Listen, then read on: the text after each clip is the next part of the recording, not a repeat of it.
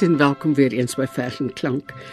Ons gaan vanaand kyk na Lukas Malan se werk en by my is Daniel Higu wat vir ons gekyk het daarna. Daniel, baie welkom. Ja, baie dankie. Hoekom het ons vir Lukas Malan gekies vir vanaand? Omdat hy hierdie jaar 70 sou gewees het.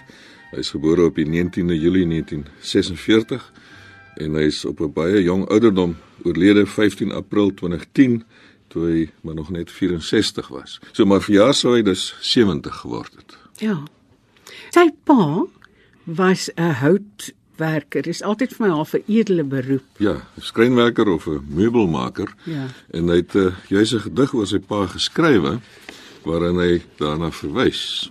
Die titel daarvan is Versoening. Dit kom uit sy tweede bundel wat in 1985 verskyn het, Tydspoor. Ag pa, laat ons nou vrede maak.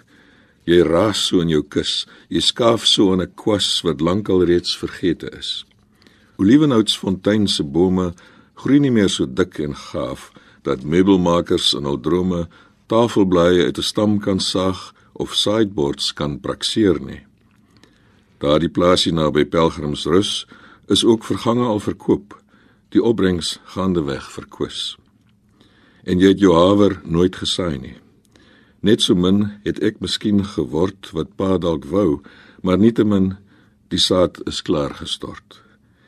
Hier agter in my tuin begin die jong tamboti en kiat al elke somer lustiger van swaar en digte greine praat dit is my hartseer dat daar tog nog 'n van mineersleutel hier lê, né? Nee. Ja, nee, absoluut veral daardie bome wat nou in sy eie tuin groei, die tamboti en kiat, word al hoe langer en groter en dit lyk asof die gedig wil sê daaruit sal jy dus ook kan kusplanke saag vir die digter self. Ja. Ja. Ek het ook gedink dat dit ook sê By my is die bome veiliger as by jou. As by sy pa ja wat ja. afgesaag het om meubels te maak. Ja, ja. Ja. ja, ja. Hy was 'n Afrikaans dosent gewees by die Onderwys College aanvanklik. Ja, by die Johannesburgse Onderwys College, die Johannesburg College of Education. Hy was daar hoof van die Afrikaans departement, maar hy was ook lank onderwyser gewees, Afrikaanse onderwyser uiteraard. Maar hy het baie vroeg afgetree. Toe hy 51 jaar oud was, dit was dan in 1997 het hy afgetree lyk my die onderwys is uitputtende saak en hy toe op Darling gaan woon. Maar teen daardie tyd het hy heelwat gepubliseer al. Ja, ja, ja, hy het al 'n stuk of 3 bundels dink ek gehad, 3 of 4. En uh miskien moet ons teruggaan na sy eerste bundel wat in 1981 verskyn het, 'n bark vir die ontheemdes. 'n Bark is 'n soort boot. En uh hy het dus in 81 gedebuteer wat hom een van die sogenaamde digters van 80 maak, een van die 80ers. Dit wil sê digters wat gedebuteer het tussen 1980 en 1989. Daar's nog belangrike digters wat saam met hom in daai periode val, is dit nie? Ja, ja, die sogenaamde 80ers. Johan de Lange, John Ambidge, Etienne van Heerden, Pieter Snyders, Louis Estreisen en André Leroux de Toey wat deesdae bekend staan as Koos Kombuis. En Daniel Ligo. Hy was ook daarby, ja. Ja. Nou uh, Lukas se eerste bundel is dan 'n bark vir die ontheemdes en daaruit wil ek graag die gedig lees Versoek. 'n Digter het ons al daarop gewys dis gevaarlik om alleen te reis. Daarom vra ek jou as metgesel om die tog aan te pak. 'n Bondgenoot teen die aanslae van 'n hoestende herfs, die druppneus van 'n strawwe winter. Saam kan ons die rillende nagte beluister, die vaart van ure soos sal galoppeer onderweg na 'n verre bestemming. My voete, nog my ore sal vermoeid raak danksy jou teenwoordigheid. As pelgrims kan ons saam die helder tempels aandoen, op die brug van sugte fotos neem en afreis na vergete stede. As jy my vergesel, kan ons 'n tent in die sneeu opslaan.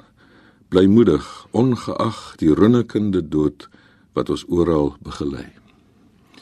Nou hierdie gedig bevat interessante verwysings na ander digters. Die eerste twee reëls verwys na Fanny Olivier. 'n Digter het ons al daarop gewys, dit is gevaarlik om alleen te reis. Dit is ook die titel van een van Fanny se digbundels. Dit is gevaarlik om alleen te reis. Mm. En dan in die slotstrofe verwys hy na 'n tent in die sneeu. Jan de Bruin het 'n digbundel gehad met die titel Vuurtent in die sneeu. En dan verder is hier lyk dit vir my invloed van Breiten Breitenberg soos in die hele eerste bundel van Lucas Malan in frases soos 'n hoestende herfs en die runnekende dood. Dit was vir my interessant dat hy so vroeg afgetree het destyds. Maar hy was dikwels hier by ons in die ateljee gewees.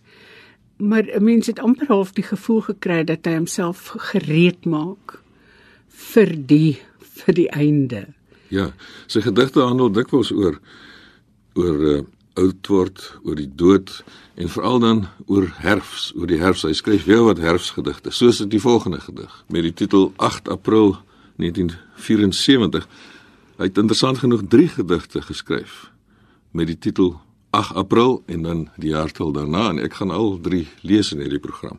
So die eerste een is dan 8 April 1974. Die vroeë herfs het nou gekom met vlinderlose oggende en treurige pare trekswaals wat ongenee na die noorde mik. Die blom wat groei waar mense was, vervals nog in haar haas 'n lente langs die groot snelweë wat die heuwels loodsekuur in twee verdeel. Na afloop van die kort nog smeulende seisoen sal jy my nie meer ken nie. Die stil verraad van hierdie tyd is diep in my soos in al die blare ingebrand skuil in die statiese wit lugte van die dae die laaste swel wat ongesiens vertrek het weldra gaan jy my nie meer herken nie want ryp gaan swaar neerslaa laat vanjaar en die winterslaap gaan onbegryplik diep tot in die donker onderwortels heers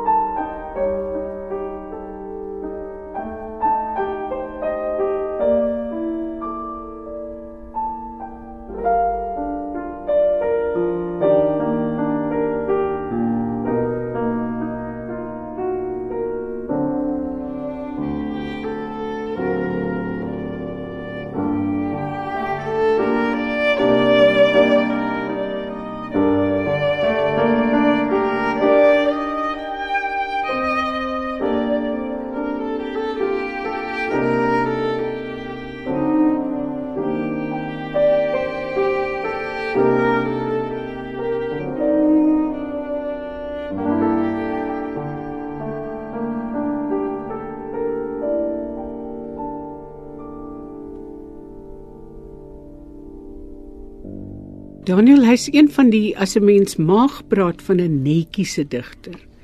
Hy's um, iemand wat nogal hou by by die formules en en ek vind hom 'n netjiese ja, digter. Ja, nee, dit is dit is 'n goeie woord, 'n afgeronde netjiese digter. Ja. Hy skryf ook vaste versforme soos die sonnet. Mm. En uh, ja, daar's nie 'n woord uit sy plek nie. Hy skryf beslis nie vrye praatverse nie. Ja. Maar tog maklike leesverse. Ja, die meeste daarvan lees maklik hardop, sommige moeiliker, maar tog meestal kan 'n mens dit maklik sê. Ja. Okay. Die volgende gedig van Lukas Malan kom uit sy tweede bundel, Tydspoor van 1985, Gesante. Wat weet 'n mens van Jan Publiek, geklee in denimbroek of donker pak? Verloopte reisiger, beleidmaker of tollenaar? Wat van die verkoopman by jou deur? Die kolporteur student of weduwee wat staat maak op gewete en begrip. 'n Swendelaar. Wat leer 'n mens van die terloopse gas wat aansit by jou tafel, aanverwant, toevallig hier langs op besoek, 'n fariseer. Tot die een met 'n vrou se skugterheid kom klop en glimlag soos 'n seun wat oop sandale dra. Klokslag eenmal in 'n jaar sal Christus vriendelik die pad na Golgotha kom vra. En dit is interessant dat uh, Lukas Malan 'n soort uh, sintuig het vir die spirituele, vir die godsdienstige, soos wat blyk uit hierdie gedig. En 'n gedig wat hierby aansluit, kom uit 'n later bundel van hom uit die voorlaaste bundel met die titel Afstande. En dit is die titel van die gedig is Portret. In die onderskrif Church Haven, Church Haven 2 Januarie 1999. Dit is natuurlik aan die Weskus van die Weskaap daar uh, naby Langebaan.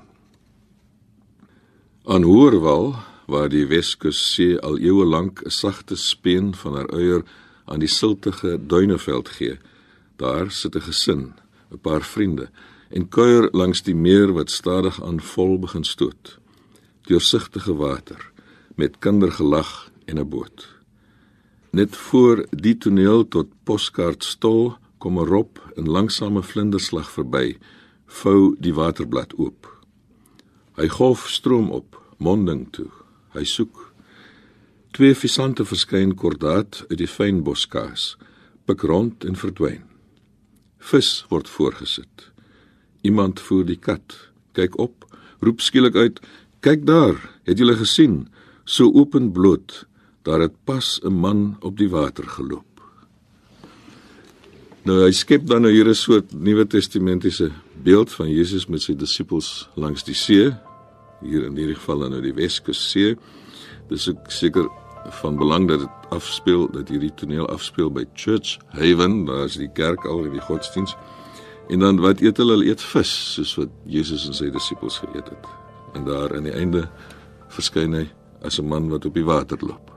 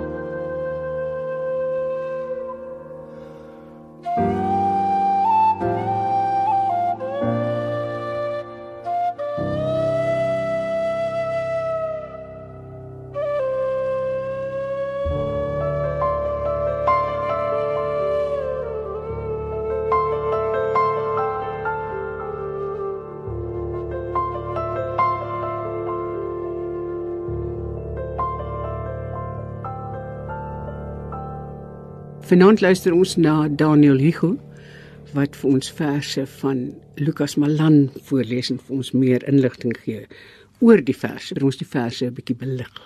Ja, die volgende gedig kom uit Lukas se bundel Edenboom. Dit was sy derde bundel wat in 1987 verskyn het. Nou die boom het ons al voorheen teëgekom by daardie gedig oor sy pa, sy pa wat die skrynwerker, die meubelmaker was. So bome speel 'n belangrike rol in die poesie van Lukas Malan en ook tuine.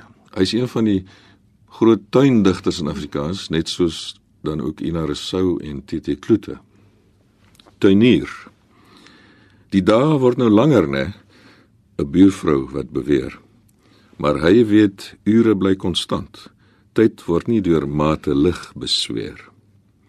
Intussen word daar oral in die buurt gewoel, dit werskaf en dit plant. Die aarde breek en gee, 'n blomtuin kom oorweeks tot stand. Ou laatslaper loop rond, betrag die winterspoor en sy restant en pieker deurentyd Net hoe raak jy teen enkeljarigheid bestand? Die ou laatslaper is dan waarskynlik die digter self. Self, ja. Ek is be, beïndruk met die woord oorweeks. Ja, oorweek soos oordag. Ja. Hmm. Dis baie mooi. En hier is dan in die tweede 8 April gedig, ook uit Edenboom en die datum is nou 8 April 1986. Daar gebeur dit weer. 'n Blaar verkleur, ontbrand en raak verwyder van sy boom. Eerste simptoom van die groot vergaan. 'n Vaarlandswilg ontvlam veeltalig in tonge, word 'n praatsiek ou man, gesand van die jaar gety op strenge rondgang wat kom aanklop en maan. Gesprekke wil demp met 'n somber diskant in die nasomertuine. Verslons deur die tyd en geplant op die plek waar hy kwyn met die dood aan sy hand. Ook sonlangs begin dinge haper en kort voor lank snerp 'n windjie voortydig aan die skaduweekant van blymoedige huise. En almal raak stiller en stil afgetrokke in kamers eenkant. Hoe bly die mens in sy aard aan die boom se loof en verval tog droewig verwant. Die melankolie in hierdie vers is my oorweldigend en ehm um, ook dat hy's op 15 April oorlede. Ja, in die herfs. In die herfs. Ja, ja. En dis nou die tweede vers wat ehm um, hierdie betrokkenheid met ja. die dood het wat in April geskryf is. Presies, ja. Wat presies die betekenis van die 8ste April in sy lewe was, weet ek nie, maar goed, dit is dan die herfsmaand. Die volgende bundel van Lucas Malan het die titel gehad Kaarthuis en dit het in 1990 verskyn. En hier is dan nou nog 'n tuingedig, Boodskap. Die wind begin met ligte skarreling droë blare teen die stoeptrap bring. Winsels van net gister nog se rosewang en iets van geel magriet se ondergang versamel hier om aan te maan die ryp kom aanstonds op die lowerblad ingryp. Roeie sonligdag was die seisoen, maar kyk, dis al of elke somer vroeër wil verstryk. Lucas Malan se laaste bundel het verskyn in 2008 met die titel Vermaning. Dit was dus 2 jaar voor sy dood. En ek wil twee gedigte daaruit lees waarmee ons dan sommer die program ook moet afsluit. Nagsorg. 'n Donskombers, die kleed wat slapendes dek en verwarm, is vannag met pluksels wolk in 'n netjiese blokpatroon uit die onderste laai van die hemelse groot linnerak gehaal en oor ons wyk gehang.